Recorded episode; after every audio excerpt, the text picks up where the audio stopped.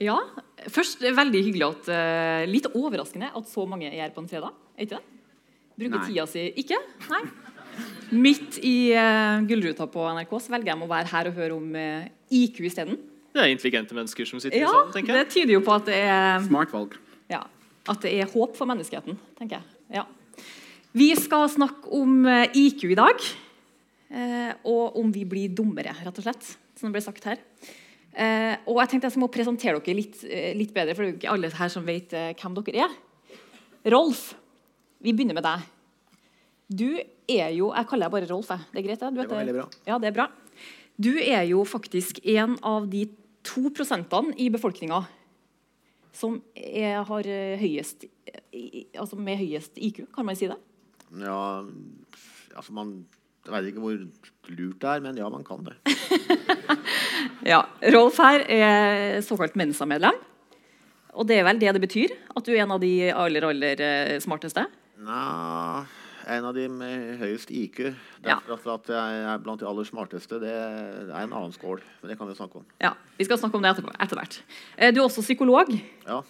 Og du eh, er jo en mann som veldig mange har fått med seg i media. I hvert fall visste jeg hvem du var fra før av. Fordi du har jo deltatt i en del eh, ja, Ytra deg litt blant, jeg, må, jeg måtte få med det her. Jeg vet jo ikke om du har ombestemt deg, men for ti år siden, eller nei, 2011, Ja. da sa du faktisk at du mente at alle som skulle få seg jobb, burde IQ-testes først. Ja. Mener du det fortsatt? ja. Ja. Eh, og du sa også at statsministeren ikke var noe unntak her. ja. Ja. Og Det mener du fortsatt? Altså, er det noen grunn til å ikke mene det? Nei, vi, kan jo, det skal vi jo diskutere etter hvert. Eh, det var Rolf. En applaus til Rolf. Ja. Veldig, veldig hyggelig at du er her. Morten Langfeldt Dalbakk, Dalbakk eh, du er filosof. Det stemmer. Blant annet du er skribent, og mange har også lest kommentarene dine i Adresseavisa. Jeg håper det. Ja. Eh, veldig, veldig, en fyr som har vært her flere ganger òg, for du mener, er veldig flink til å mene veldig mye om mangt. mangt. Jeg har jo hatt det som eh, jobbbeskrivelse. Og for også at jeg mener noe sånn noenlunde intelligent om det. Kanskje ikke sånn, så intelligent at det er på Mensa-nivå, men i hvert fall sånn passe. Men ut ifra altså, CV-en til Morten Rolf, så mener jeg at vi kan bare si ut ifra CV-en hans at han har høy IQ. Kan vi det? Ja. Ja. Altså, altså, det kommer an på hvor du setter terskelen for, eh, for høy. ja. Altså, jeg mener jo sjøl at uh, terskelen til altså, IQ-kravet til Mensa er absurd høyt. ja. Og det er selvfølgelig da litt sånn sosialt selvmål å si det når man er medlem. Men man kan være, man kan være ganske smart selv uten å tilfredsstille kravene til Mensa. Ja, det er bra du sier. Jeg tok faktisk den testen deres på nett. Olavstesten. Ja, Er det en test som For jeg tenkte Hvis jeg skal ha, være ordstyrer her, så tenkte jeg da bør jeg jo ha noenlunde grei IQ. Eh, og jeg har aldri tatt en IQ-test før, så jeg tok den testen. Er det en test som du mener er en, er det en bra test? Altså, jeg har vært med på å kalibrere den, så jeg er jo ikke objektiv. Nei, Men uh, den er ikke så gæren. ikke så gæren, nei. Sånn, sånn pluss-minus fem poeng, tror jeg. Sånn, Ja. ja. ja. Jeg gjorde det ganske Jeg gjorde det helt greit på den. altså. Det høres bra ut. Jeg ga meg halvveis, det skal sies, for jeg synes den var forferdelig kjedelig. Er lov å si det? Altså, Men da er jo ikke noe bra. Ja, De er ikke så artige, de IQ-testene. nei, det er ikke det. Jo, det er faktisk ganske gøy. Syns du? Ja, veldig artig. Jeg, jeg hater å ta den. Ja, for jeg synes de var litt, Det var litt kjedelig. Jeg synes jeg varte veldig lenge. Det tar så lang tid, eller? Du kjenner med alle oppgavene. Er det, er det derfor? Nei, jeg bare føler at jeg ikke liker det. Ja. Helt i orden. Yeah. Du, det var en fin overgang til å presentere deg. Erik Scott, Yes, yes. hva, hva er grunnen til at du er her i dag? Jeg er den som utfører IQ-testene. Ja, Jeg er nervepsykolog, gjør dem hele tida, hver dag. Du jobber med. IQ eh, hver dag. Yes. Og du jobber veldig mye med barn. Spesielt med barn jobber i habiliteringstjenesten, men også mye med voksne. også. Men uh, primært sett med barn som har ervervet hjerneskade og utviklingsforstyrrelser. Og inn mot spesialpedagogisk tilrettelegging inn mot skolen spesielt. Og da betyr jo IQ-test ganske mye. Ikke sant? Ja, Kjempefint. Det var panelet her i dag. Det er jo et uh, superpanel. Uh, bare menn. Men eh, Ja, Og meg, da. Ja, det har med, det har Men med, jeg skal ikke mene så mye her i dag. det, det har med personlighet å gjøre, ikke IQ. Jeg kan, at IQ er jo dotter, ikke det? Så derfor sitter bare vi her, sikkert. Ja. jeg kan jo ta ansvar på en måte for at det er så mannsdominert. For jeg Ja. vikarierer for en kvinne som egentlig skulle vært her i dag, men som dessverre har blitt syk. Det er sant. Uh, Så Det var viktig å få med. Elise skulle egentlig være her. Ja. Men eh, nå må vi over til temaet her. Vi skal snakke om eh, IQ. og før vi, før vi, begynner med det, så synes jeg at, eh, vi må forklare litt begrep. Vi vet jo ikke hvordan eh, IQ-nivået til dem som sitter her, er heller. Å jo da. Ja. Men jeg syns vi skal Vi må bare eh, få forklart noen begrep først. Eh, Erik, kan du fortelle oss også hva er, eh, hva er IQ? Åh, det er en vanskelig spørsmål. Ja, det er vanskelig. Ikke sant? En IQ er jo det en IQ-test måler. Ja. På mange måter. Og hva måler en IQ-test? Også En vanlig IQ-test har det er mange faktorer her. Ja. Den ene biten går jo på global intelligens. Noe går jo på hvordan man resonnerer med ord. Det kan være hvordan man resonnerer med bilder for eksempel, og visuelle inntrykk.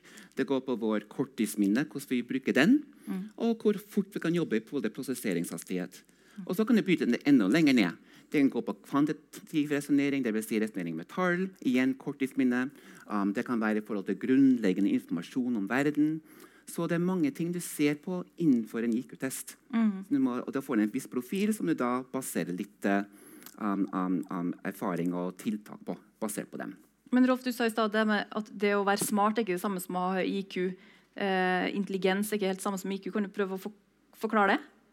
Intelligens er et begrep. Ja.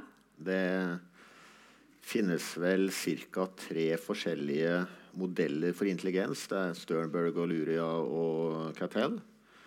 Uh, det finnes uh, ca. 30 forskjellige definisjoner, men det er ikke nødvendigvis gjensidig utelukkende. altså Hvordan man definerer intelligens, avhenger delvis av hvorfor man spør. Mm. Og det er én måte å måle intelligens på, og sånn har det vært i 100 år.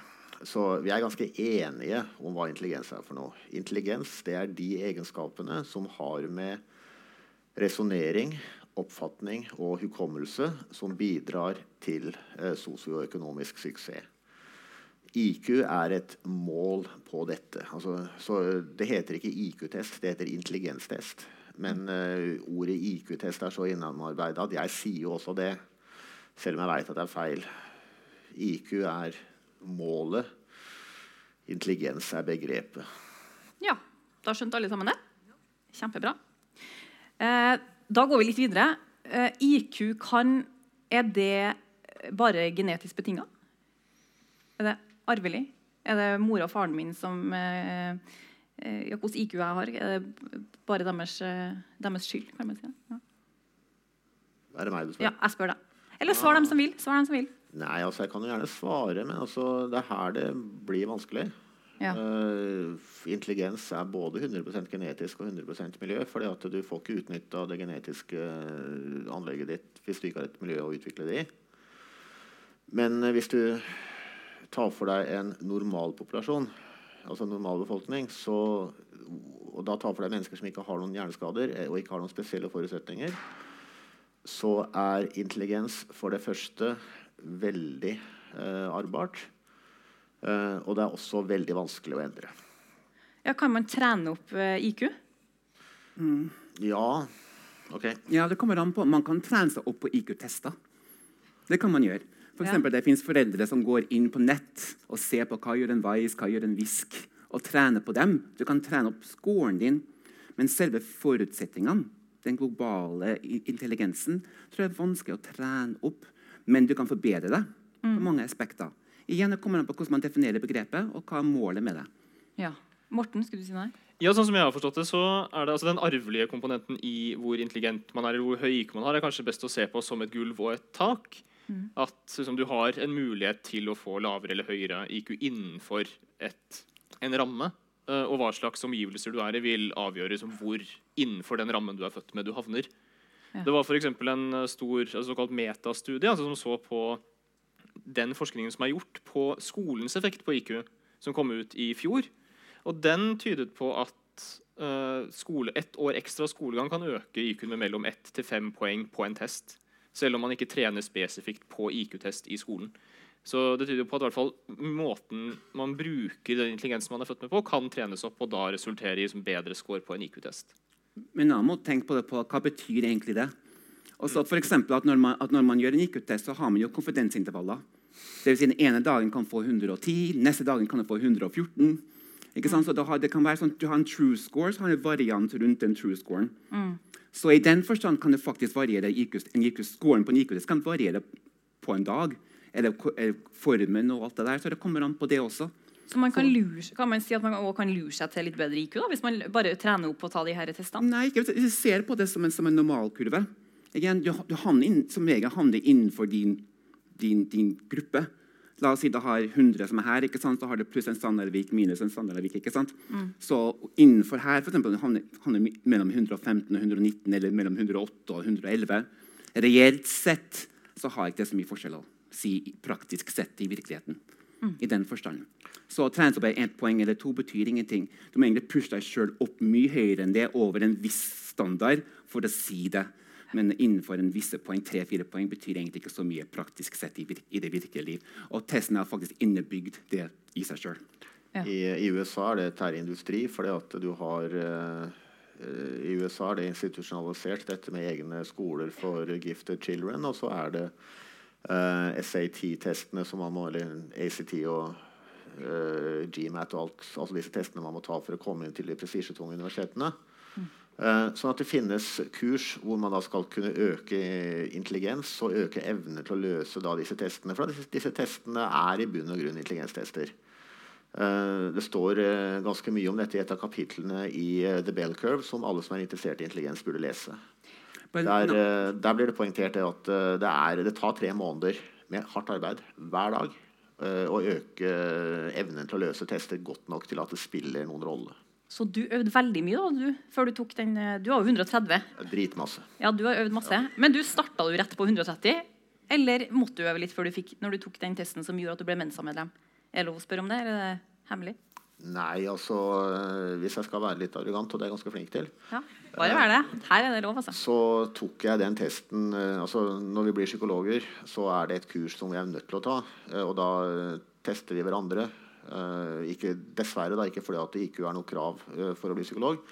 Eh, Men vi blir altså testa rett og slett for det er en del av et obligatorisk kurs. altså Resultatene blir ikke brukt til noen ting.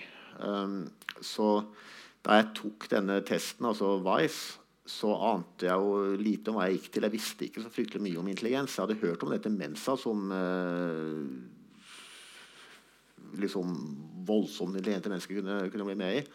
Og jeg var jo med i nerdegruppa uh, på videregående. Vi som gikk på biblioteket og leste illustrert vitenskap. Og vi liksom snakka om det at det, kanskje noen av oss kjente noen som var smarte nok til å bli medlem av Mensa. Men vi så liksom på det som sånn uoppnåelig. ikke sant? Uh, så jeg visste jo i grunnen ikke så fryktelig mye av hva jeg gikk til. Så uh, Men jeg blei altså da testa uten, uten noen forberedelse, uten at det var liksom at jeg, skolen skulle brukes som. Altså jeg bare stilte opp for at jeg, jeg var pålagt. Så ringte jeg ned til Per Frivik på Arbeidsforskningsinstituttet da, og spurte om han, han hadde scoren der. Og så hørte jeg at han, resultatene var ikke, var ikke, var ikke summert. da, og det, Men det er ganske kjapt gjort. det skjønte jeg senere. Så han gjorde det mens han snakka med meg i telefonen, og så leste han da et sånt skrift, fra et, fra et skript om at jeg måtte ikke liksom ta det så tungt hvis jeg ikke skårte så høyt, fordi at uh, menneskeverd er mer enn intelligens og osv. Og, så videre, og, så videre. og så ble det plutselig stille, og så kom det et oi. Og sa han ja, men dette her er jo slett ikke så verst. Og da var det 100 og Eh, nei, da var det 132. applaus. Nei, Vent litt. OK, vent. Ikke applaus ennå. Nei. Nei? Jeg er ikke sikker på at det er så bra å ha så høy IQ. Ja, der begynner debatten. Så at, eh, så Ja, fordi det er mitt neste spørsmål. Hva gjør det med et menneske å ha eh, høy IQ? Jeg tror folk, folk setter ikke nok pris på farene ved det. Og nå snakker jeg om standardvik. To standardvik ned for 100 er IQ 70 og under. ikke sant? To standardvik over er IQ 130 og over. La meg gi deg et, eksempel på hvor det kan være et problem. Um, et eksempel, Jeg hadde hatt en femåring uh, som kom inn til meg for testing uh, for mange år siden. Henvisning var Asperger. sant? Uh, var, um, det var en jente, hun var uh, fem år gammel. Hun leste bøker på femtetrinnsnivå. Ikke nok med det. Foreldrene var indisk og faktisk rakettforskere. Vokste opp i Washington DC, så har jo NASA og folk, masse sånne veldig smarte folk rundt oss. Ikke nok med hun gjorde det, men hun kunne danse indiske danser i 20 minutter. Alle bevegelsene uten problem. Ikke nok med det, men liksom at, eh, så hun kunne, hun kunne, hun kunne spille, ja, hun kunne spille sitar. Og det er jo vet du hvor mange strenger med de små fingrene. Lenge. Uten, hørte sangen én gang og kunne spille den. Og da er spørsmålet mitt hva skal jeg snakke med andre fireåringer om? Hva skal jeg snakke med andre femåringer om? Ikke sant? Og det som ofte skjer da, i forhold til, for Du kan være veldig smart, men du lever i en verden med andre barn. Og det jeg opplevd mange av barna som oppførte, som til meg for Asperger, for eksempel, ikke alt, men Noen av dem har faktisk disse barna med IQ 30 og over. Det hun sa, det var det at når jeg sitter i, i klasserommet med de ungene, så kjører jeg en film i hodet. Og tenkt og tenkt og tenkt. Og det hun gjorde. Mens hun gjorde det, så øvde hun ikke på disse sosiale ferdighetene. Hun ble svakere på de, og hun skilte seg klart ut sosialt for de andre barna. Sånn det var fire, sånn det var fem. Også, uansett om man er smart, så er man fremdeles i concrete operations. ikke sant? Man er fremdeles i det pre-operational også, i, forhold til utvikling. En annen sak er på den andre siden. Det har vært en god del forskning på, på barn, voksne som har IQ på 130 og over. Det er en veldig stor incidens av psykiske vansker i den gruppa. Ganske mye også. Og da tenker jeg hvorfor. Ganske enkelt. Av og til det er noen her som kjenner meg, har hørt meg si det før, tenking er noen ganger overvurdert. Grubling er overvurdert. Og så tror jeg også Vi tenker på IQ som en slags balanse mellom konkret og abstrakt. Ikke sant? Så har man en, en sånn bell curve. Og Hvis man går på la oss si, psykisk utviklingshemming, tenker man veldig konkret. ikke sant? Må repetere, må vise konkret og ha mange repetisjoner. Så har de rundt en 100 som la oss si, konkret abstrakt. Så da har det the sweet spot, jeg vil si rundt 115-120. Nok abstrakt tenking, men samtidig grunn, grunn i det virkelige liv. Og så kommer det opp til 130 and above. Ikke sant? Og da tror jeg av og til Tenk tilbake da hun var fire. Og tenk på alt det vi lærer i barnehagen sosialt. Og du er ikke med på dem. Du lever ofte i din egen verden.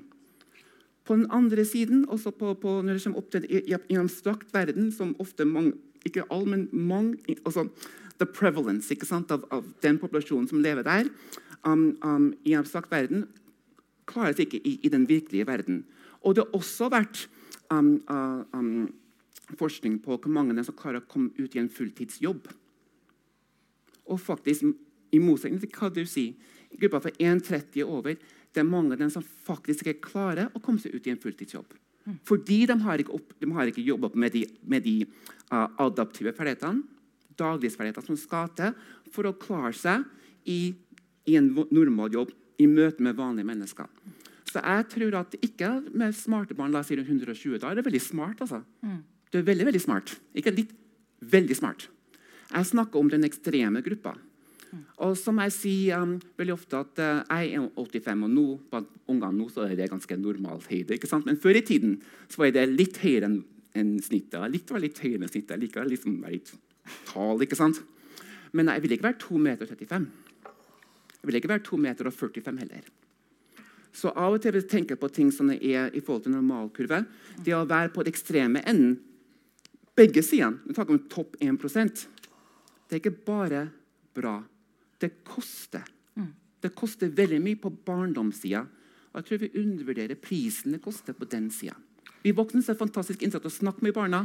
Vi bruker tida på å diskutere dinosaurer, vi diskuterer elektrisitet og fysikk. Mm. Men husk på, er det, er det seks år, så skal jeg ikke snakke til en 40-åring. Jeg skal snakke til andre seksåringer. Ja. Og der ligger problemet. Mm. Jeg, eh, det er jo vanligvis at andre folk sier dette til meg, men jeg syns du maler med litt brei pensel. Ja, det er spissformulert. nesten. Uh, grunnen til at jeg sier det, er at jeg har, har IQ-testa 130 barn som, uh, som, har vært antatt å slite på skolen fordi at de har for høy IQ. Jeg har veileda foreldrene, skole og lærere. Og det jeg ser, for det første, det vi veit, er at noe av det IQ-scoren sier noe om, det er den strukturelle integriteten i hjernen. altså hvor godt hjernen er satt sammen. Jo høyere IQ, jo bedre er grunnlaget. Jo høyere IQ du har, jo bedre er du beskytta mot sykdom, særlig da eh, hjerneskade. De som har høy IQ, kommer seg fortere etter hjerneskade enn de som har, de som har lav. Eh, det er en god del sånne ting. Og det er lavere insidens av eh, psykiske lidelser hos de med høy IQ. Nei, det, er ikke, det, er det en del psykiske lidelser som er overrepresentert hos de med høy IQ. Sånn var det i den artikkelen jeg leste. Altså, det er færre uh, psykiske lidelser enn generelt, men det er en del psykiske lidelser som det er mer av hos de som har høy IQ. Eh, det jeg har funnet ut i de ungene som er testa, det er at eh, når de har høy IQ og sliter på skolen, så er det alltid noe mer. Hvordan definerer du høy IQ? Uh, nei, altså over 120, over 125. Ja, jeg snakker om grupper over 130. Ja. Uh, altså jeg har jo testa unger med IQ på 150 som klarer seg utmerka sosialt. Uh, hvis ikke det hadde vært for skolen. Eh, det, for det jeg har sett, det er det at eh, de ungene som sliter for det første, det er en, det er en god del feildiagnostisert Asperger, og så er det en god del underdiagnostisert ADHD. En ting jeg syns er gøy, det er å lese VISC-scorene, altså IQ-test-scorene fra PPT og BUP. Det er en god del science fiction og fantasy-forfattere der ute. fordi de kan jo ikke intelligensteori, disse menneskene som gjør disse jobbene ute i, uh, ute i BUP og PPT. så de, de skjønner jo ikke hva det er de måler. Uh, så at ungene får diagnose litt i vilden sky. Uh, det jeg ser, det er, altså, det er noe, altså, Hvis en unge skal få Asperger-diagnose, så holder det å ha høyere IQ enn fyren i PPT som utreda. Ja, det, det, er helt sant. Men. Du, de, de, får også lett ADHD-diagnose. Men det er, det er under, altså, ADHD er underdiagnostisert, mener jeg. For det er en god del, det er en god del unger som blir avfeid som drittsekker. Altså dårlig oppdratt, som faktisk har ADHD, og som ikke blir sett for det. det Uh, og så er det en del uh, så det er, jeg kunne sagt mye om det, og så er det en del unger som lider av en diagnose som jeg finner på sjøl, og som jeg er veldig stolt av, og som jeg håper jeg kan få inn i ICD-12. Det er, uh, Jeg kaller den ISP, ikke skolekompatibel personlighet. det er klart at det finner du uansett, uansett altså I alle IQ-strata så finner du det. Men har du høy IQ, så vil ikke skolekompatibel personlighet kunne gi deg ymse kjipe måter gi uttrykk for det på. Eh, det gjelder, altså I USA så er jo det en egen spesialitet, altså eh, terapi på intelligente mennesker. Eh, det var noe som gikk igjen da vi lærte psykologi eller lærte terapi på psykologskolen. det er det at Folk har en tendens til å stikke kjepper i hjula for seg sjøl. Altså når de kommer i terapi til meg som klinisk psykolog, så, er, så har de utvikla strategier som ikke, ikke, fungerer. Og de smarteste de utvikler jo da de mest uh, problematiske strategiene. Og de, de, de lurer seg sjøl, de lurer terapeutene, de, de lurer alle. Uh, så det, det å det, altså, det, altså det å ha høy IQ og uh, psykiske, emosjonelle eller sosiale problemer, det er ekstra vanskelig fordi at kan jeg si det her? Altså, behandler, behandlerne er ofte ikke så smarte. Ja. Dere skal få stille spørsmål etterpå. Ja. Fra salen, hvis det er noen som vil ha si noe til det. Men Morten, eh, hadde du noe å si? Uh, ja, uh, Hvis du skulle svare på han, så kan du gjøre det først. Ja, nei, jeg prøver å tenke, Av, av og til sier jeg bestandig Hva hadde jeg gjort hvis jeg var i den situasjonen? tenker jeg. Mm. Og, og, det kan være for jobben med barn. Og jeg går i barnehagen og jeg går i førsteklassen og har ingenting til felles med de andre barna. Mm. Hva gjør det med deg? Um, jeg tenker liksom at Én ting er hvis du kommer lenger opp i alder. Og til og med der tror jeg det er problematisk. i forhold til, for finnes, Jeg tror det er rett i forhold til det ikke-skole. Der tror jeg vi er, vi er enige. Jeg også ser samme problematikken akkurat som du ser. Men jeg tenker på identifikasjon av disse barna tidligere. Og hjelpe dem å finne ut hvordan man kan leke med andre barn. Og bygge opp det sosiale ferdighetene. For vi kan snakke så mye vi vil om læring og bøker og fysikk og whatever. Men du må ha venner. Du må kunne leke med barn på samme alder, på samme utviklingsnivå. Og en ting er at du kommer lenger opp i, i alder, og du forstår du kommer til form operations, du forstår at en, en annen person har en annen perspektiv enn deg. Men uansett så menneskene går gjennom en viss utvikling, vi òg. Bl.a. i egosentrisme. For eksempel. du forstår jo ikke at et annet menneske ikke tenker likens som deg. Man gjør det bare ikke hjernemessig sett. Og da sitter du der. Unnskyld. Nei, jeg tror vi må, for at uh, det her er jo veldig interessant, nå har vi begynt å, men vi, må, vi skal jo snakke om uh, om vi blir dumme. rett Og slett, og nå er vi på veldig mye annet spennende. det, men, så vi må bare gå litt videre. Eller Morten, du hadde noe du skulle si? Jeg kan ta det kort. da. Altså, jeg, ja. si, jeg, eh, utfører ikke IQ-tester på barn. og Hvis noen lot meg gjøre det, så burde de bli straffet for det. Jeg er ikke, er ikke kvalifisert til å gjøre sånne ting. Det er ikke veldig vanskelig. Jeg kan lære det. det er ja, ja, hvis, hvis, dere, hvis, du lærer meg det, så skal jeg begynne å gjøre det. Uh, det, er, det, er, det, er, å tolke resultatene du ikke, du ikke må gjøre. Men det jeg tenker på, uh, fordi mine meddebattanter her snakker jo mye om ekstremiteten. altså de, de, som er helt på toppen av IQ-skalaen. Flere standardavvik fra midten. Og sånn. Mm. Og IQ er jo mye mer enn bare de mest intelligente. Det er også de som er på midten, på gjennomsnittet eller litt over. Og når man kommer ned der, så er jo det å ha høyere IQ enn gjennomsnittet er stort sett veldig positivt. I de fleste studier jeg har sett, i hvert fall, så henger det sammen med høyere lønn over tid, bedre helse, man dør senere. Noen vittiperer mener at det er fordi man er flinkere til å tolke trafikken. Eh, Jeg vet ikke om det er sant, men eh, det kan jo godt hende. Og så er det, henger det også sammen med at man får færre barn. Mm. av en eller annen grunn. Så det er, det er en del positivt med det. Om det siste er positivt eller ikke, er kanskje kontroversielt, men statistikken tyder på at man blir lykkeligere, lykkeligere av å ikke ha barn. Ja. Men, men at det i alle fall, du mener at det, det Vi snakker jo om, om de ekstreme her, som du sier, men, men det å ha bra IQ er generelt ikke noe, noe dårlig. Det er tvert imot generelt eh, regnet som veldig positivt på omtrent alle sånn sosiale og økonomiske og, og for så vidt også psykologiske indikatorer. Altså man blir lykkeligere, rikere og mer vellykket generelt. Da. Der kan jeg si meg litt uenig. fordi, grunnen til at jeg sier det, det er fordi at husk på, IQ er jo definert som uh, jo høyere IQ du har, jo mer suksess har du i en skolehverdag. Per definisjon. Da, da må du si det at okay, måten vi i Vesten har definert en skolehverdag på, er nøkkelen til inngangen til framtida. Og det er noe vi har definert nå de siste 30-40 årene. nå. Som jeg sa til deg tidligere, Før i tiden, jeg husker veldig veldig godt, bestefar sa til meg at, eh, at Erik, nå skal du begynne å slutte å studere og få deg en ordentlig jobb. Det er ikke lenge siden hvor faktisk de praktiske ferdighetene var på toppen. Så det som skjer, det er, det er en mix-match mellom hva man er sterk i, og hva samfunnet krever av deg i denne perioden av tid, i denne perioden av historikken. Og jeg kan se for meg at Hvis du har en IQ si på 80 eller IQ på 100, i motsetning til 120, da går du på skolen. Du kan tro meg, Jeg er mer glad hvis jeg får en A enn hvis jeg får en D. Og får jeg masse D-er og masse C-er i flere år på rad, tro meg, jeg vil ikke føle meg så positiv til meg sjøl. Og tro meg, jeg vil ikke føle meg så at mestringsfølelsen vil heller ikke gå noe spesielt. Men det betyr ikke at, at, eh, at eh, i en annen kultur, i en annen tid, hvor andre ferdigheter blir vektlagt ikke sant? Det er bare vi er heldige for vi som er flinke i språk, og vi som er flinke til å snakke og vi som er flinke til å få gode karakterer. Det er nøkkelen fordi vi lever i denne spesifikke perioden av livet.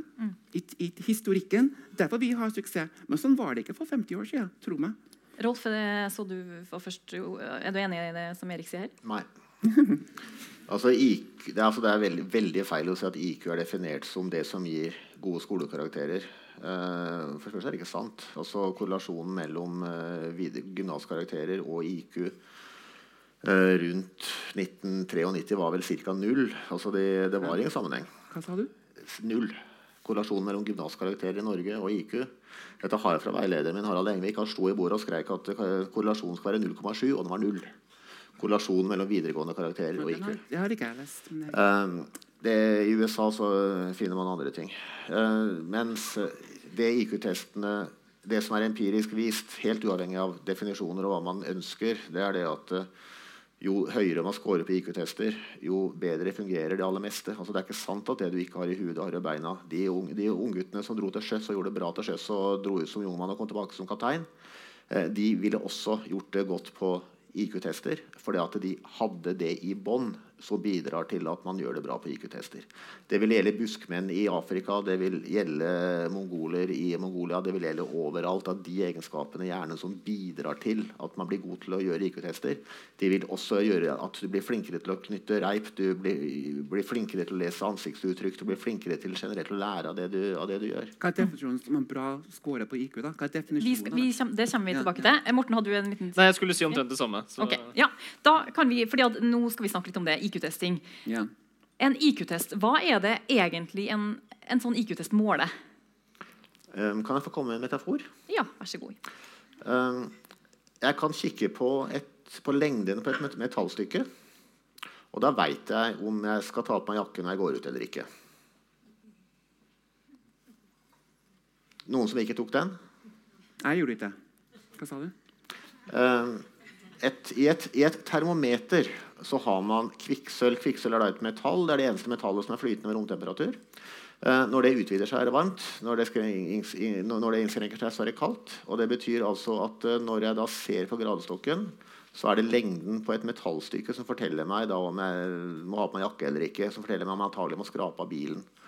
Eh, det er det samme med IQ-tester, eller intelligenstester, som det egentlig heter. Det er ingen logisk, intuitiv sammenheng mellom de oppgavene man gjør, og det, man, og det testene viser at man er flink til å gjøre. det er største altså det, det, det, er et av de største problemene med å diskutere intelligens med hva skal man si, lekfolk.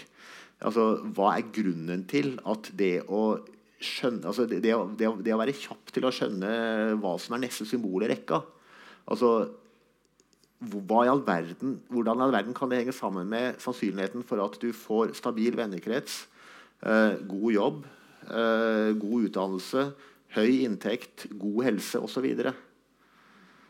Eh, altså, det er empirisk dokumentert, det har vært empirisk dokumentert i 100 år at sånn er det. Eh, og det har å gjøre med at det intelligenstestene måler, det er, altså, det er, hvor flink du er til å eh, skjønne det som skjer rundt deg, og huske det og lære av det. Og det, det, spiller en rolle overalt. En kamerat av meg klarte å grine seg til å IQ-teste alle kassadamene på den lokale Rimin. Og det som viste seg var at De som skåret høyest på IQ-tester, hadde best kundetilfredshet, lavest svinn i kassa og, og, håndterte kundene kjappest. Og det er rett og slett fordi at De må ta masse avgjørelser, og det er en fordel å kunne ta dem raskt og riktig. Morten, hva, hva er, det, er det noen svakheter med IQ-tester?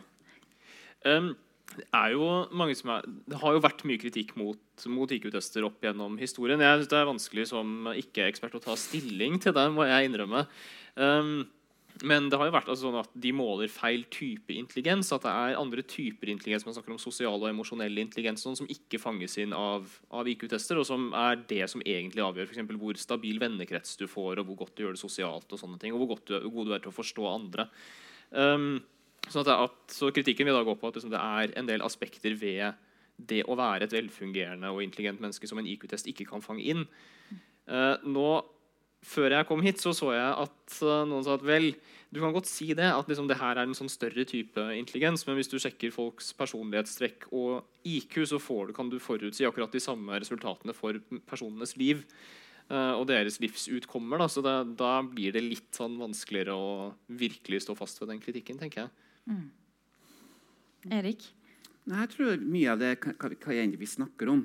Um, jeg tror at hvis du har en normal intelligens 105, 115, 95 uh, Jeg er ikke sikker på i det virkelige liv det har så mye å si innenfor normalvariansen. Der, der hvor det har noe å si at når du går utenfor normalvariansen, da vi kan snakke litt om det. For jeg er ikke sikker på om du La oss si at, uh, at det er stor forskjell i forhold til suksess på skolen mellom en person på IQ på 105 og en på 110.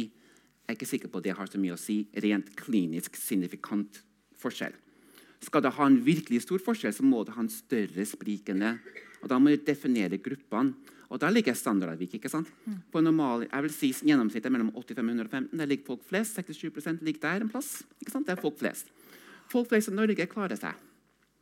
Folk i Norge får seg en jobb, og i forhold til mange andre plasser i verden tror meg folk i Norge har det bra. Og er suksess. Jeg vet det er amerikansk. Forskjellen mellom herfra og de er milevis forskjell. Og det er bare basert på hvor du er født. den. Men så, men så, bort, så vi ser ting på en standardavvik. Skal vi ha en god diskusjon på det her? Da vil jeg se forskjellen hvis du går opp i én standardavvik over, én standardavvik under, to standardavvik over, to standardavvik under. Da tror jeg IKT kan fortelle oss noen ting. Virkelig. Men å, å, si vel, la oss ta masse IQ-tester og pushe oss opp fra 105 til 110 for eksempel, Jeg vet ikke om det betyr så mye i det virkelige liv. Og nummer to, tilbake til SATs og disse standardiserte testene som vi snakker om i USA, for eksempel, så er mange universiteter og skoler gått, bort fra dem. På mange måter, fordi Man fant ut at egentlig um, den variansen de brakte inn i forhold til å predikere skolesuksess, var ikke så stor som folk trodde. Det var ikke verdt det.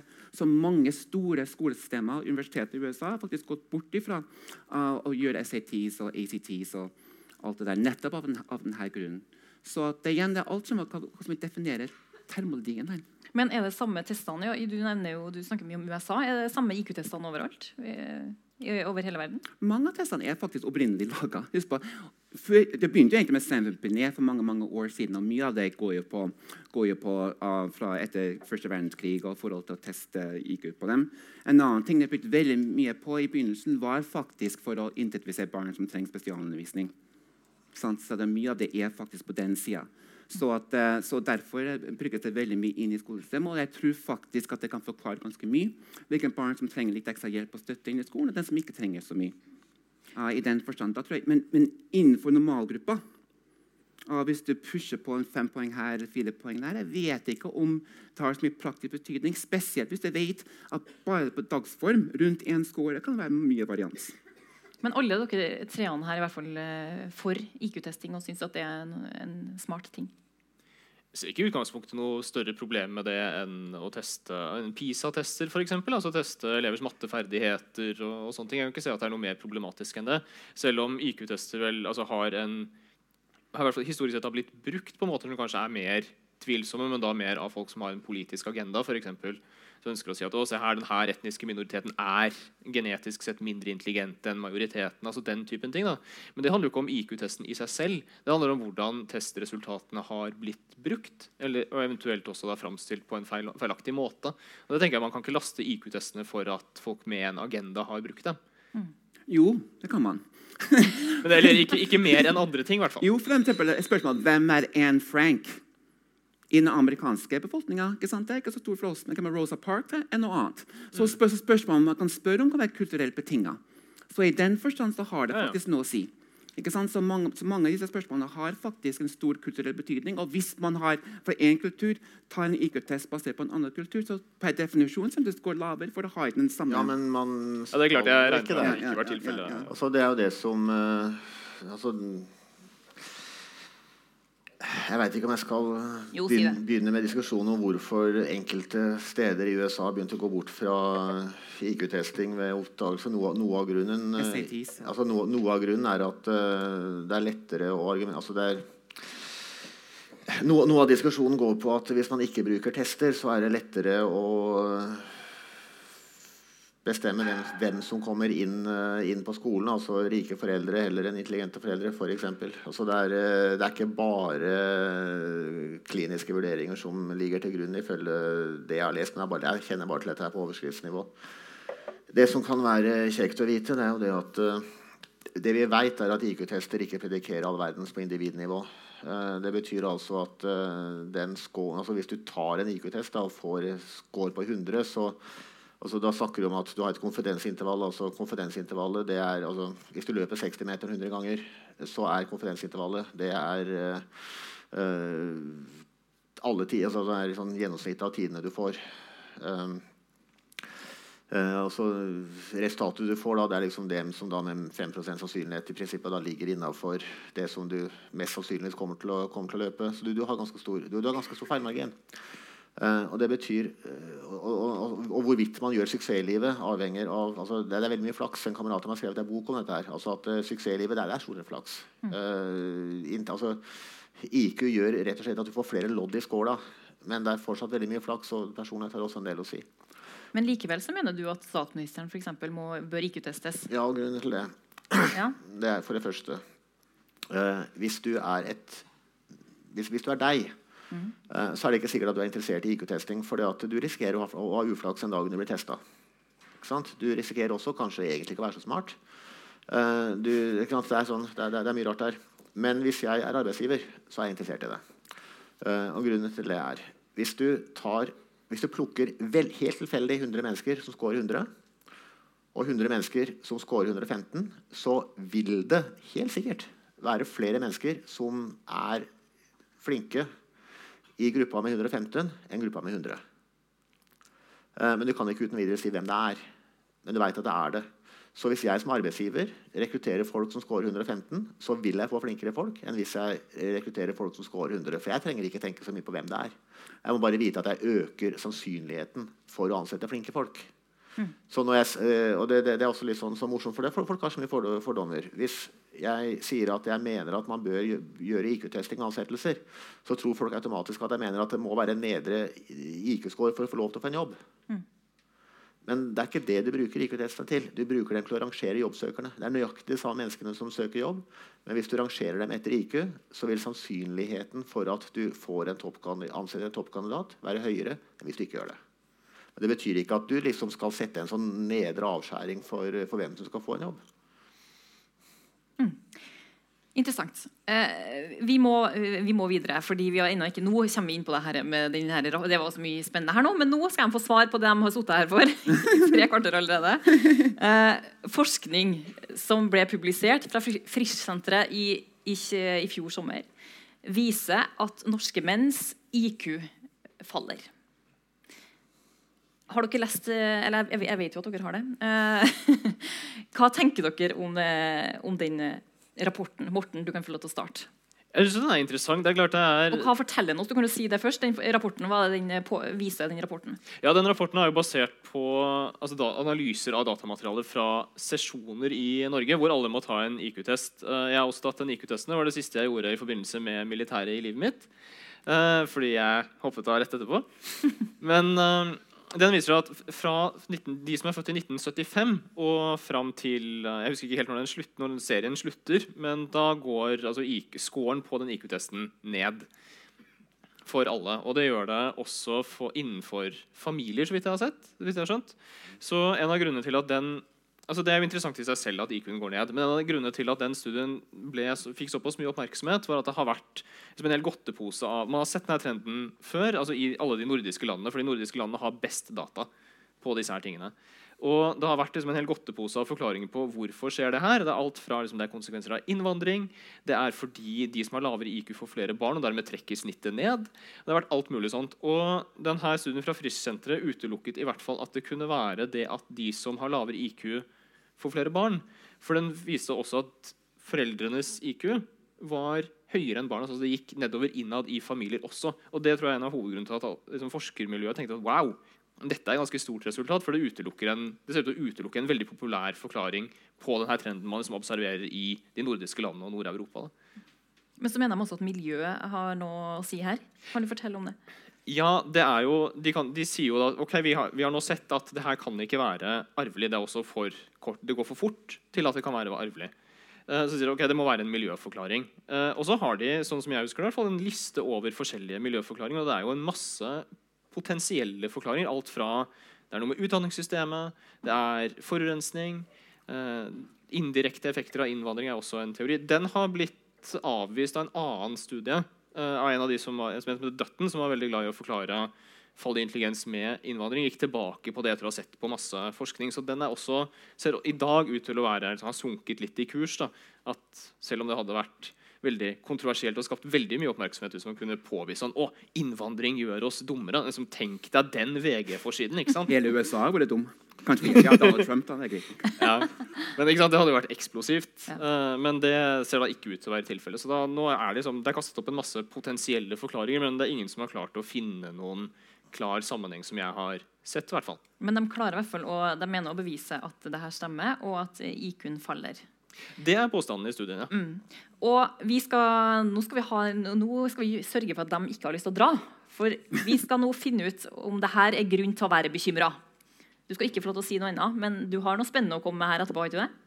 Sikkert. Ja, sikkert. Da vil dere ikke dra. Men vi tar en liten pause på fem-ti minutter. Fem-ti minutter. Så kan dere gå og kjøpe dere noe godt i baren eller eh, ja. imens. Og så skal vi få forklaringa etter hvert.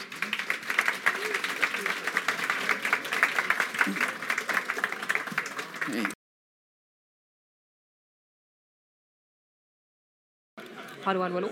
Hallo, hallo, hallo. Da tenkte vi at vi skulle begynne å sette i gang igjen. Så er vi straks klar for at dere også skal få lov til å stille noen spørsmål. Det er sikkert mange som lurer på ting som sitter her. Men vi må jo først få svar på det veldig mange her lurer på. Det er jo eh, Vi var inne på denne rapporten som viser at eh, IQ-en til norske menn går nedover. Hva tenkte du når du, når du eh, leste den rapporten, eh, Rolf? Ble du veldig bekymra? Nei.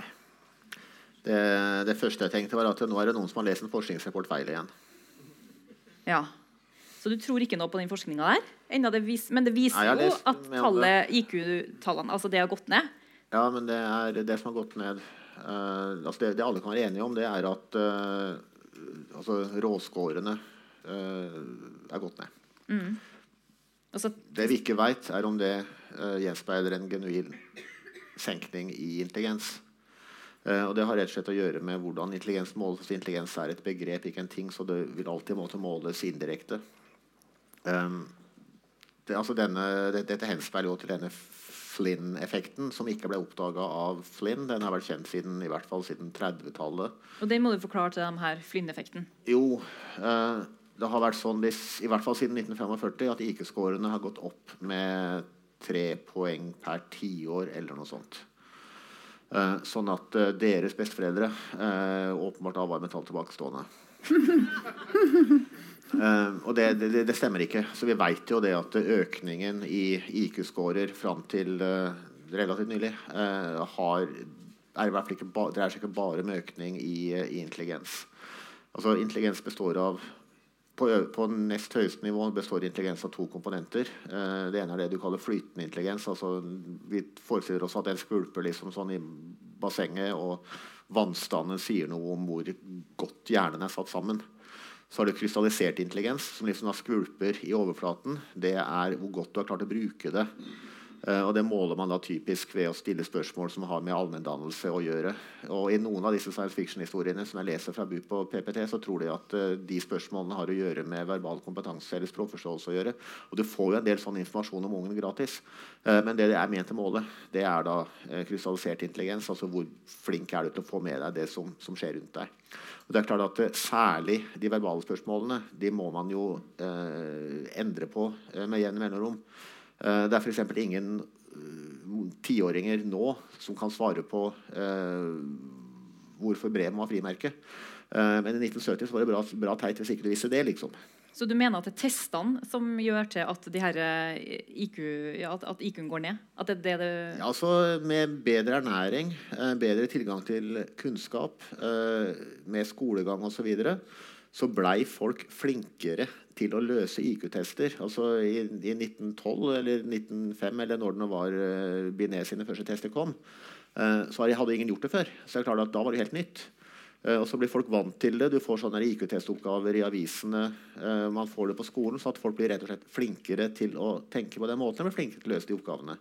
Og man blir stadig flinkere for hver, for hver generasjon. Og det betydde at skårene Skårene viser jo to ting. ikke sant? Det ene det er hvor smart du er, og det andre det er hvor flink du er til å løse IQ-tester. og Den biten der den bør jo være så lav som mulig.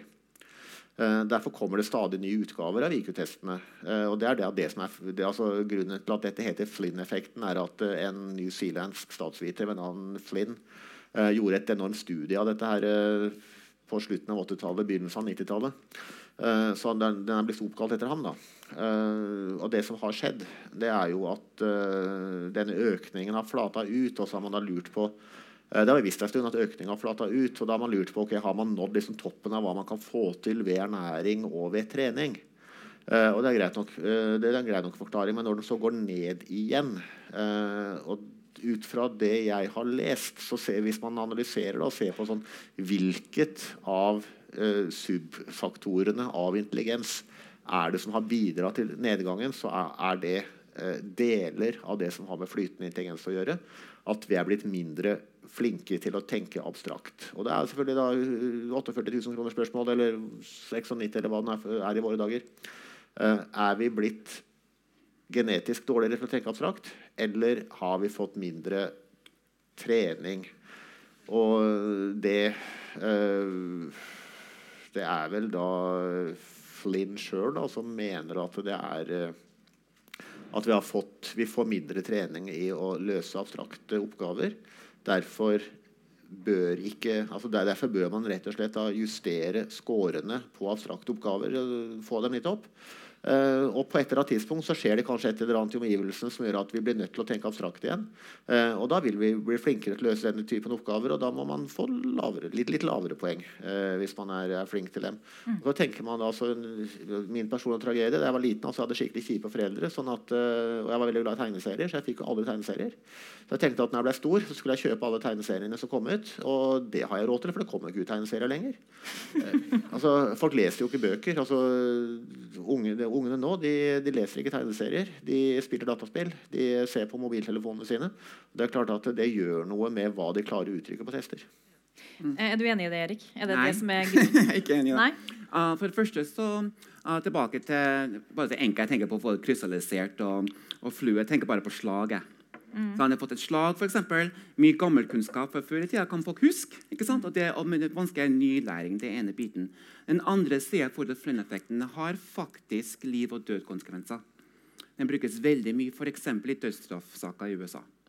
En av måtene for å unngå dødsstraff i USA på er at du skal få en sykehusutviklingsdiagnose. For eksempel. og I og med at du har den trepoeng som det sier hver tiår så mange Før i tiden, før man går inn og beregner flyndeffekt, har mange har flere neuropsykologivenner i USA som spesialiserer seg i slike saker. Ansatte forsvarsadvokater, um, f.eks. Uh, hvis man får en dødsdom i USA, så har den en viss prosess før den, den blir gjennomført. Og Da er det faktisk slik at du må gjennomgå en funneffekt for å justere noe. For hvis, du, hvis, det er slik at, uh, at, det går ut disse poengene, så kan du faktisk score på visse IQ-tester, iallfall på de gamle IQ-testene la oss si, før i tiden.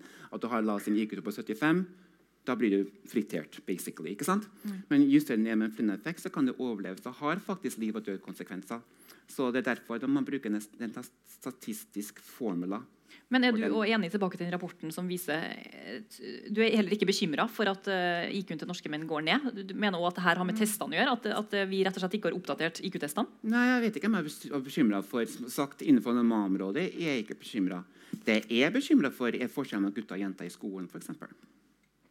Det er jeg bekymra for. Jeg er bekymra for at, eh, at, uh, hvordan guttene gjør det fremover, og hvordan jentene gjør det i småskolen. Jeg tror det har vært mye om det i avisene, mye diskusjon rundt det. Der er jeg bekymra. For guttene har lavere IQ enn jentene? Nei, jeg tror, det tror det er andre, andre ting som, eh, som, som, som, går inn. Mm. Modenhet, f.eks. Seksårsskolen. For eksempel. um, um, aktivitetsnivået aktivitetsnivå hos guttene ofte ta litt lengre tid når man modnes litt. når man er mindre, for eksempel. Mm. Um, og så er det en, en urolig gutt i klassen, i motsetning til en si, nå, nå, nå, tar jeg selvfølgelig med en bred børste. og det mener Jeg jeg gjør det bare for å gjøre poeng. Det er store individuelle variasjoner. Jeg er klar over det. Men det har dere snille jenta og den urolige gutten, seks år gammel, førsteklassen. Hva skjer da? Av overrepresentasjon av gutter i spesialundervisning, f.eks. Mye av det er med modenhet å gjøre. mye av det er, ja. Så jeg, jeg tror kanskje der bekymringa mi ligger mer. Ja. Morten, hva tenkte du når du leste den eh, rapporten? Jeg er litt mer pessimistisk enn eh, de to her. og Det er jo selvfølgelig mye usikkerhet knyttet til liksom, hva er det egentlig den trenden som forskerne ved Frischsenteret har funnet, forteller oss. Altså, det er vanskelig å si sikkert. Men to av de eh, du, eller beskrivelsene du hadde, Rolf, altså at det er enten at vi er dårligere trent til å tenke abstrakt, eller at den generelle evnen til å tenke abstrakt er blitt dårligere. Altså Begge de to er ting som, hvis, de stemmer, hvis det er det som stemmer, så vil jeg være ganske bekymret. Og grunnen til det er at man, altså arbeidslivet og økonomien vår utvikler seg på en måte som krever større sånne evner, ikke mindre.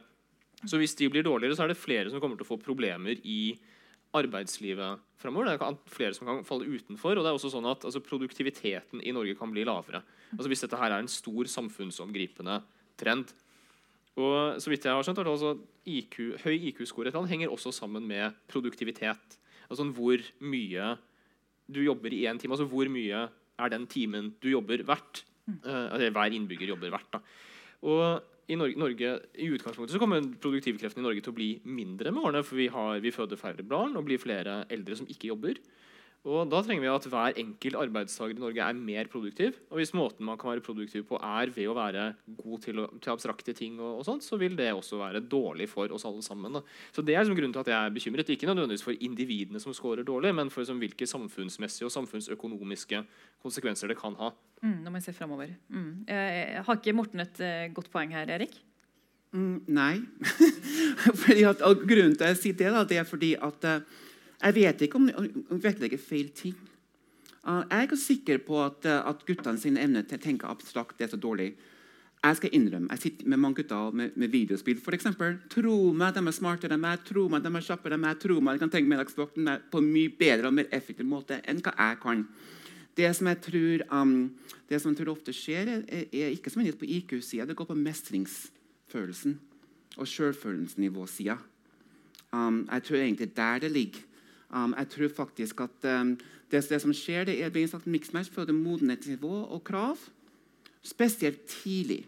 Og jeg vil påstå at Hvis man går gjennom første og andre klassen, ikke helt moden, ikke helt klar, det kan jeg si at du plutselig får selvfølelsen tilbake i tredje. Jeg tror mye er satt tidlig. Og Det tror jeg har ikke noe med IQ å gjøre, det tror jeg har mer med modenheten å gjøre.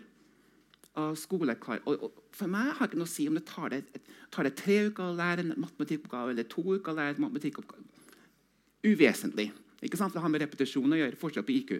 Men jeg tror det har med å gjøre at tankene våre rundt det La oss si at vi går inn, vi skal si at vi skal gå enda tidligere og lære barn av måten vi syns at abstrakt eh, resonnering skal læres. Det er målet.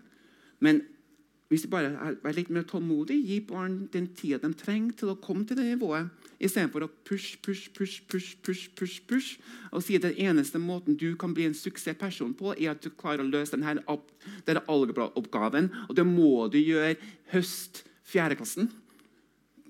Om det er vår femteklassen, who cares? I den forstand. Er det verdt kostnaden det har for mange gutter, spesielt i forhold til mestringsfølelsen? Nå tenker jeg bare på modenhet. Igjen, det er bare min. Ja, Morten, du skulle en kommentar? Ja, så Jeg vet ikke helt hvor uenige vi egentlig er. Altså, jeg mener sånn, Hvis det er sånn uh, altså Jeg sier ikke at det er sånn, men hvis det er sånn at menn i, altså norske menn har blitt dårligere til å tenke abstrakt, og det kan også gjelde kvinner, de har vi bare ikke like gode data om, fordi de ikke er i posisjon i like stor grad. Altså, hvis det er sånn at evnen til å tenke abstrakt har blitt dårligere, så er det problematisk. Så er det bekymringsverdig. Så er det jo selvfølgelig et spørsmål som du også sier, altså hvis man skal endre det, altså hvis den trenden finnes, og man vil snu den, altså hvor høy pris vil det ha? Uh, og det er jo et annet spørsmål, et etisk spørsmål, et politisk spørsmål som man må ta som det det er. Så om det vil liksom være for hardt for uh, guttene, og sånn, det kan godt hende. Men det er ikke noen grunn til å ikke være bekymret for det. Men ja, for at, litt tilbake til det, fordi Du er jo inne på det Rolf, i forhold til at de barna de kan helt andre ting. og du litt på skole i sted. Er det noe, er det noe grunnleggende vi har mista på veien her? tenker du? Altså De barna uh, unge i dag, er det noe, man har mista? Når man ser at man ikke får til å løse de, de, testene på samme måte? Eller er det bare at vi tenker helt annerledes? Uh, jeg tror det største problemet er at uh, ungene har en overprogrammert hverdag. Mm. Uh, jeg husker jeg, Første gangen jeg blei ble provosert, det var da jeg var uh, støttekontakt. I et sånn anfall av akutt pengenød så signa jeg meg opp som støttekontakt i begynnelsen av studietida. Ikke at det løste pengeproblemene, men, for det var ikke så godt betalt. Men, men det var veldig artig. Og så, så går vi ut, ikke sant? og så, så, går, og så ser, vi, ser, han der, klienten min da, en sånn sprekk i asfalten, og der er, sånn, er en sånn sti da, inntil skauen. Sånn. Å, der kan man ha natursti! Natursti? Kan du ikke bare labbe inn i skauen? Altså, han, var sånn, han, han, var jo vant til at sånn, skulle han gjøre noe, så var det arrangert. Mm. Altså, jeg, jeg, vil ikke tilbake til 70-tallet hvor altså, vi, Det er bare å se på sånn, kurven over dødelighet hos barn, så skjønner du at vi har gjort veldig mye riktig siden, mm. siden 70-tallet. Uh, eh, men noe av det vi har tatt altså, du, du, har ikke hatt en ordentlig barndom hvis du aldri har brekt et bein. Ikke sant? Er det litt for tilrettelagte liv vi har? Ja. Mm. Eh, altså, vi får, ting, eh, vi får, ting, på et fat. Altså, det blir ikke stilt krav til ungene. og Hvis du skal oppleve mestring, så må du nesten altså, for, altså, hvis du skal oppleve mestring, så må du mislykkes en gang iblant. Mm. Så du må, du må, vite hvordan den følelsen er. Og Når ungene aldri får anledning til å mislykkes, så får de ikke anledning til å mestres. Det er klart at eh, Hvis, hvis disse menneskene, altså hvis pedagogene hadde kunnet tenke abstrakt, så hadde de klart å lage programmerte liv hvor, folk, hvor ungene ikke visste at uh, grunnen til at de, ble, til at de mislyktes akkurat da, var at de var der på en eller annen sånn kurve. Sånn du, du, du, kan superprogrammere det også, men det, det vil kreve utrolig mye jobb. Uh, så det å altså, altså, Vi bygde hytter i skauen, og vi fløy rundt og ødela hyttene til de andre i skauen. Og vi uh, brant oss og brennesle. Og vi, altså, jeg brakk aldri et bein. Jeg gjorde ikke det, men jeg har noen kutt her og der. Uh, tenker at det, det har vi mista. Altså, er det, er gått for langt. altså Pendelen har snudd for langt. Jeg, vil ikke ha pendelen tilbake til der man var på 70-tallet. Altså for all del. altså Ungene skal bruke bilbelte. og eh, altså, det, er delvis mirakler at jeg overlevde. altså Jeg og lillebroren min labba rundt på isen på Byglandsfjorden. Eh, altså Jeg tror vi gikk en kilometer. Der, så husker de, ikke sant? Jeg hadde aldri latt mine unger få lov til å gjøre det. Uh, så for, alle dem, altså, Finne en eller annen så liten vei tilbake til det at det, altså, altså Ungene har tapt barndommen. Hva skal du si, Erik? Jeg synes du sier mye, mye riktig. Jeg er enig med deg ganske mye. Um, det er eh, det ene til å forsvare for pedagogikken. Da, at det har vært veldig mye forskning veldig mye utvikling i pedagogikk. Mm. Og Spesielt i forhold til hvordan hjernen blir integrert. Vi er mer kategorisert, det er integrert. Slik at vi putter sammen ting. Finnene for eksempel, har tatt bort fag i videregående. Jeg har sikkert hørt om, det er en veldig spennende måte å tenke på. og tenke kreativt. Og Da kan man jobbe mer mot det du snakker om. Mm. Men mye av det nå er så kategorisert, spesielt i småskolen. Ennå skolen har gått kommet langt i utviklinga i forhold til hvordan hjelpe barn å tenke mer integrert. Men det er noen ting med modenhet her. Tror jeg, det er noen, jeg tror faktisk det kan være noen kjønnsforskjeller her. Um, så at uh, noe å diskutere og tenke på framover i tid. Ja. Eh, veldig fint. Vi, jeg tror vi må begynne å få med dere som sitter i salen her. hvis det er noen som har noen spørsmål. Er det noen som har noen spørsmål? Ja, så bra. Eh, har vi ikke noen mikrofoner her? Ja, Mensa driver jo veldig mye med IQ-tester, så de må jo ha et ganske stort empirisk datamateriale. Er det noen tendens til at, går, at de blir dummere der? uh, nei, faktisk har medlemstallet i Mensa økt i Norge uh, de siste åra.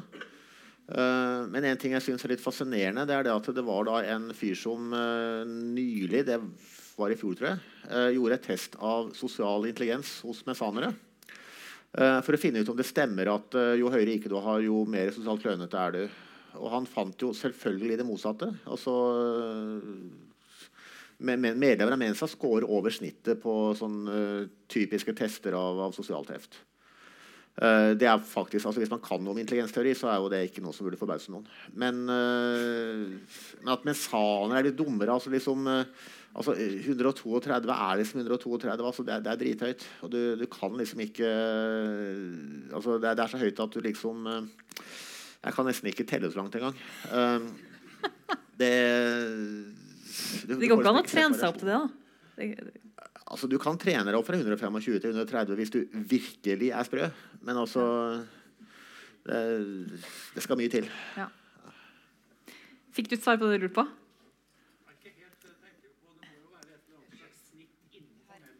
Går det opp eller går det ned? Å ja. Altså får man eh, Ja, ja riktig sånn, eh, sånn Er det færre som har 150, liksom?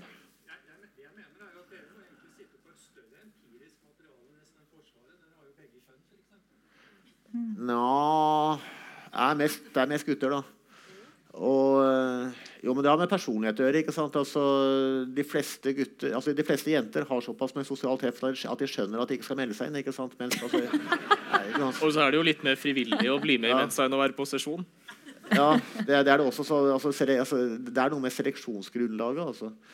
Så nei ehm, Nei, altså, jeg tror faktisk at det, det må du høre faktisk med Forsvaret om. Altså, har standardavviket blitt eh, smalere med, med tida? Jeg tror det er de som sitter med de dataene også.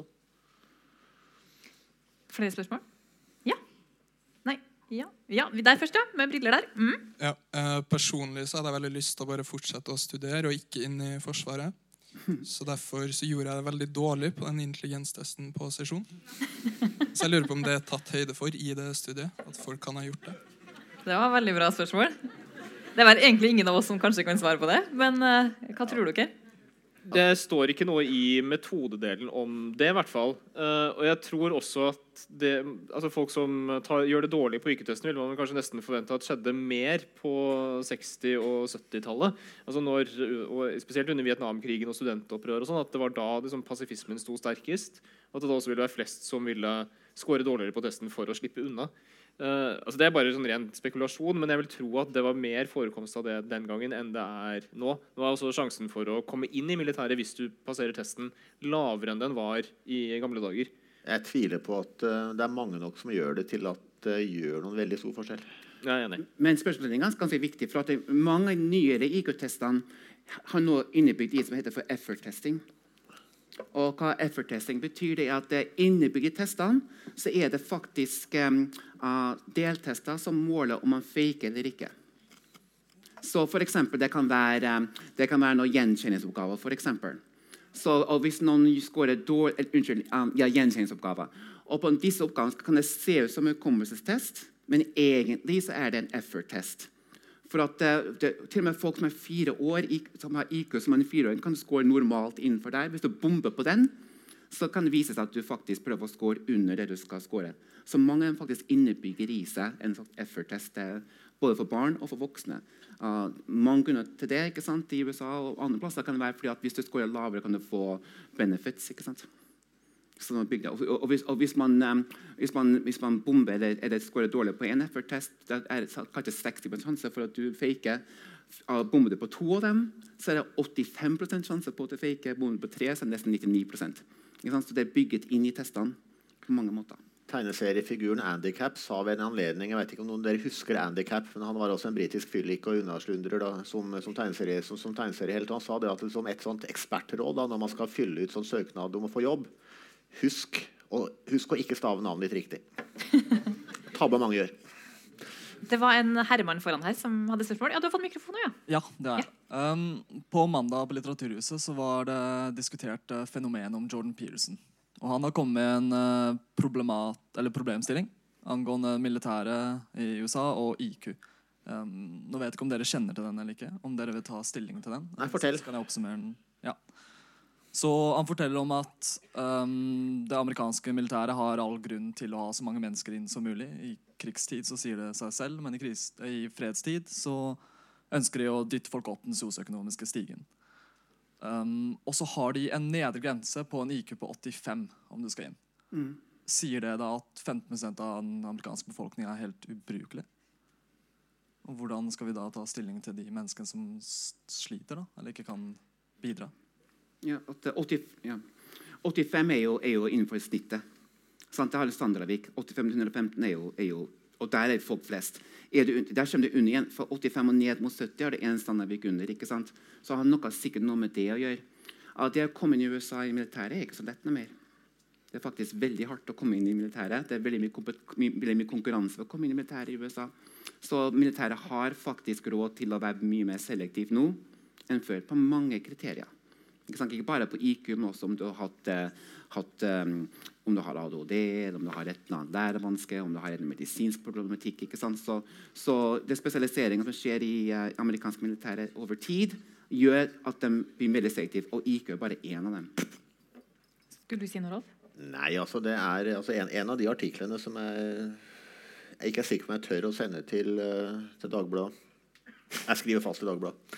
Eh, det er altså, Hva gjør man i framtida med de som scorer under 100? Fordi at altså, Jobber til mennesker som scorer under 100, blir det stadig mindre av. Ja. Nei. Nei. Jo. Nei. Jeg har jobba som, altså, som, rekrutterer og headhunter. Dette kan jeg. Nei, men du tar feil. So enlighten me. Nei, fordi at, eh, altså, husk på, 100 bare, husk på alt mellom 67% av befolkningen ligger mellom 85 og 115. Og forskjellen mellom en 98 og en 103 er ikke så stor reelt sett. Ikke sant? Så at uh, i den forstand så jeg, jeg, jeg, blir med på det. vil si at folk fra 85 som han om, fra 85 og under strever. Der kan jeg bli med, bli med deg på det men ikke nødvendigvis om det, la oss si en IQ på 95 og IQ på 105. Jeg er ikke sikker på at det er så stor forskjell på de to i dagliglivet. Jeg tror, tallet, jeg tror tallet kommer til å krype oppover etter hvert som altså, Nå har jeg jobba som uh, headhunter og rekrutterer, så jeg veit en del om hva Hva slags jobber? Uh, alt fra uh, vaktmester må jeg ikke på 100 Ekskluderer du 50 av befolkninga? Nei, poenget er det at det, det, den type jobber forsvinner. Det er som problemet. Altså, kassa altså, eh, altså vi, Folk kan ikke dra til sjøs lenger, for vi har omtrent ikke utenriksfart. Det er filippinere som har overtatt. Uh, vi uh, jobber altså Med artificial intelligence og med automatisering så forsvinner de jobbene. Altså, uh, kassa på Rimi forsvinner. At, og det er klart at Jo høyere IQ du har, jo bedre jobb gjør du i kassa uh, på Rimi. På den annen side så trenger du nesten ikke ha IQ for å kunne klare det. Uh, men de jobbene forsvinner. De blir, de blir automatisert bort. Jeg tror jeg blir overraska over hvor mange leger som har en IQ på 98. Jeg, jeg tror jeg blir overraska hvor mange Så jeg tror, så, så jeg tror så, på en måte Nei, så er jeg ikke sikker på at, um, at, um, at uh, um, en, altså Folk med en IQ på 95 er dumme. En, en, en, folk med en IQ på 95 er faktisk ganske smart. De er normale som deg og meg. Ja, ikke du, for du er 100. Men, men også alle oss andre. Ikke sant? for at jeg, jeg, glemmer aldri og det, er en, en samme diskusjon med en person som er veldig smart. Og så sa de at vet du hva, at personen som har, her var en person som var psykisk men det er helt greit, for den personen kan bli en frisør eller mekaniker. eller noe sånt. Og så sa jeg til hun Vet du, vet du hva som skal til for å bli en frisør? Vet du hva som skal til for å bli mekaniker? Du kunne ikke blitt en mekaniker. Du hadde ikke klart det, for å ha ganske store visuelle spasiale problemer. En person på 95 er ikke dum.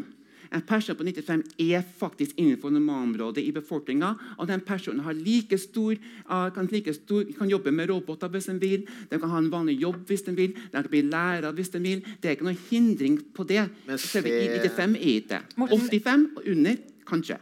Bare et sånn 95. eh, tørt uh, poeng her. Altså, hvis, for Du er jo enig i at det blir færre, det kommer til å bli færre jobber for de med 85 i IQ og mindre. ikke sant? Jeg, ha, jeg, på, jeg har tanker på hvorfor òg, men det må Ja, men, men det betyr jo at du, da må du være enig med Rolf. ikke sant? Fordi de er jo også, de som er 85 og under, er også 100 og under. De er jo i den gruppen, og det blir færre jobber for hele den gruppen. Altså, det, det, det, det, som kommer til å, det som kommer til å skje, at Det blir mer konkurranse det blir, det om blir, det, lavferdighetsjobbene. det blir færre jobber generelt sett. ikke sant? Og arbeidsgiverne kommer til å gå etter de som er smarte, for det er det som lønner seg for arbeidsgiverne.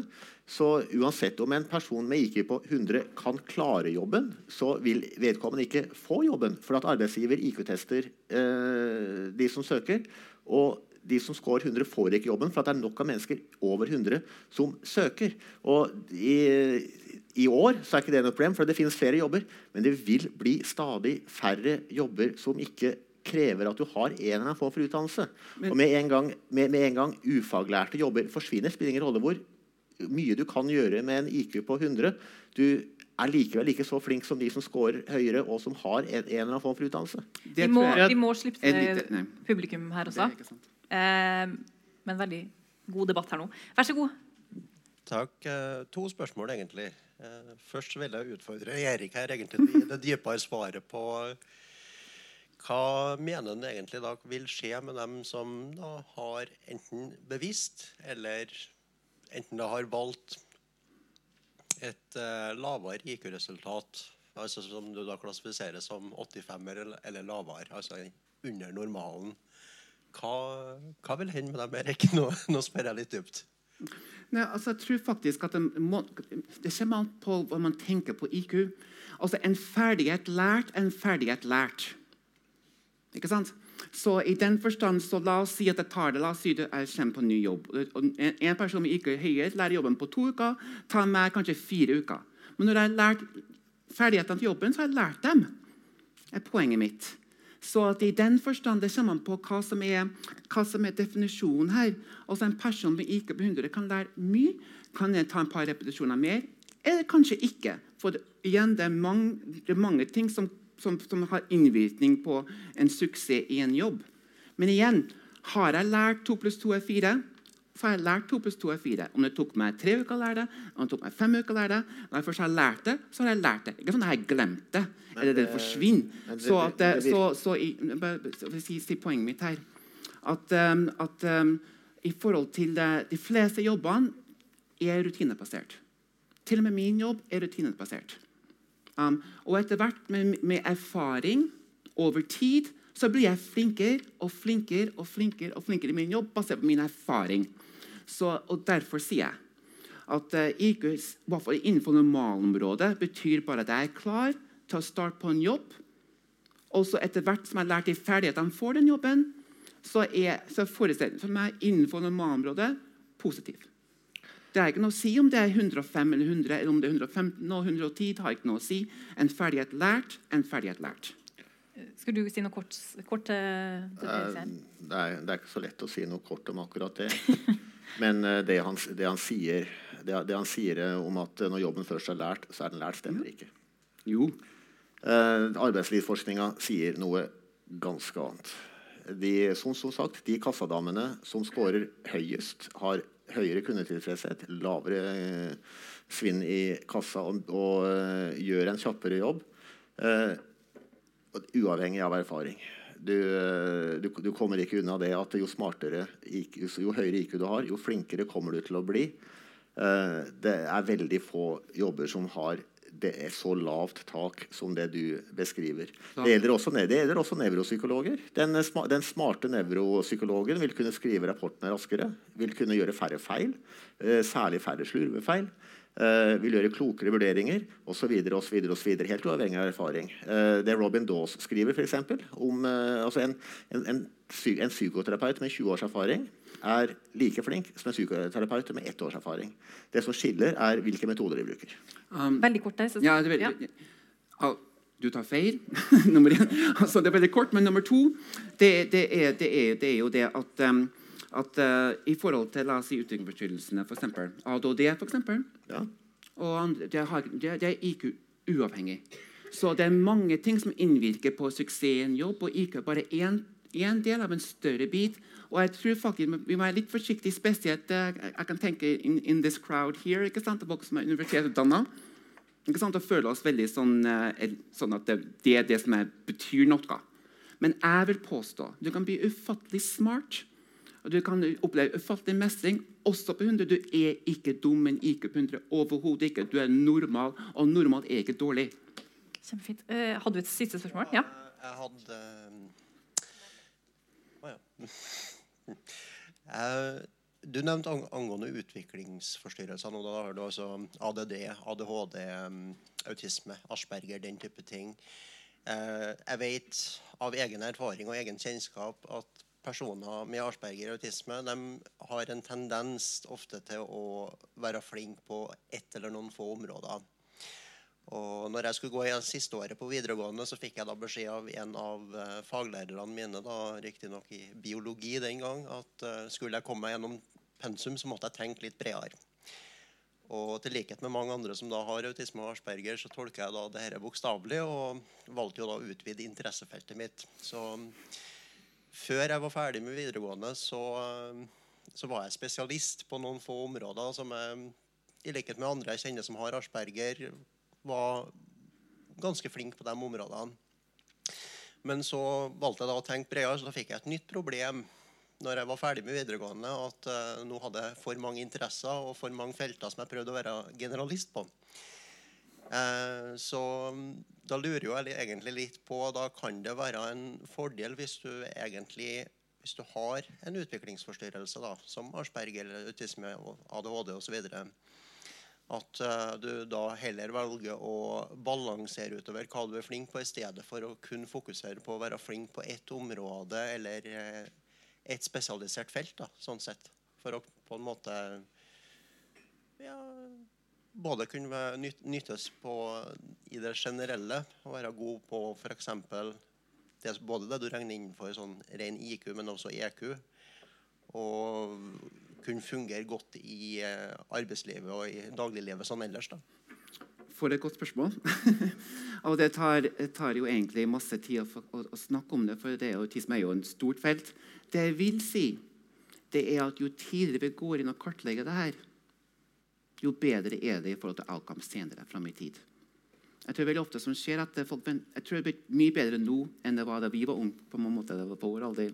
Jeg tror folk blir mye, mye flinkere til å identifisere både ADHD og autisme mye tidligere i skolen, så de kan tilrettelegge og ha god forståelse for profilen som det har. Og tilrettelegge for det. Jeg har mange tanker, mange ideer rundt det.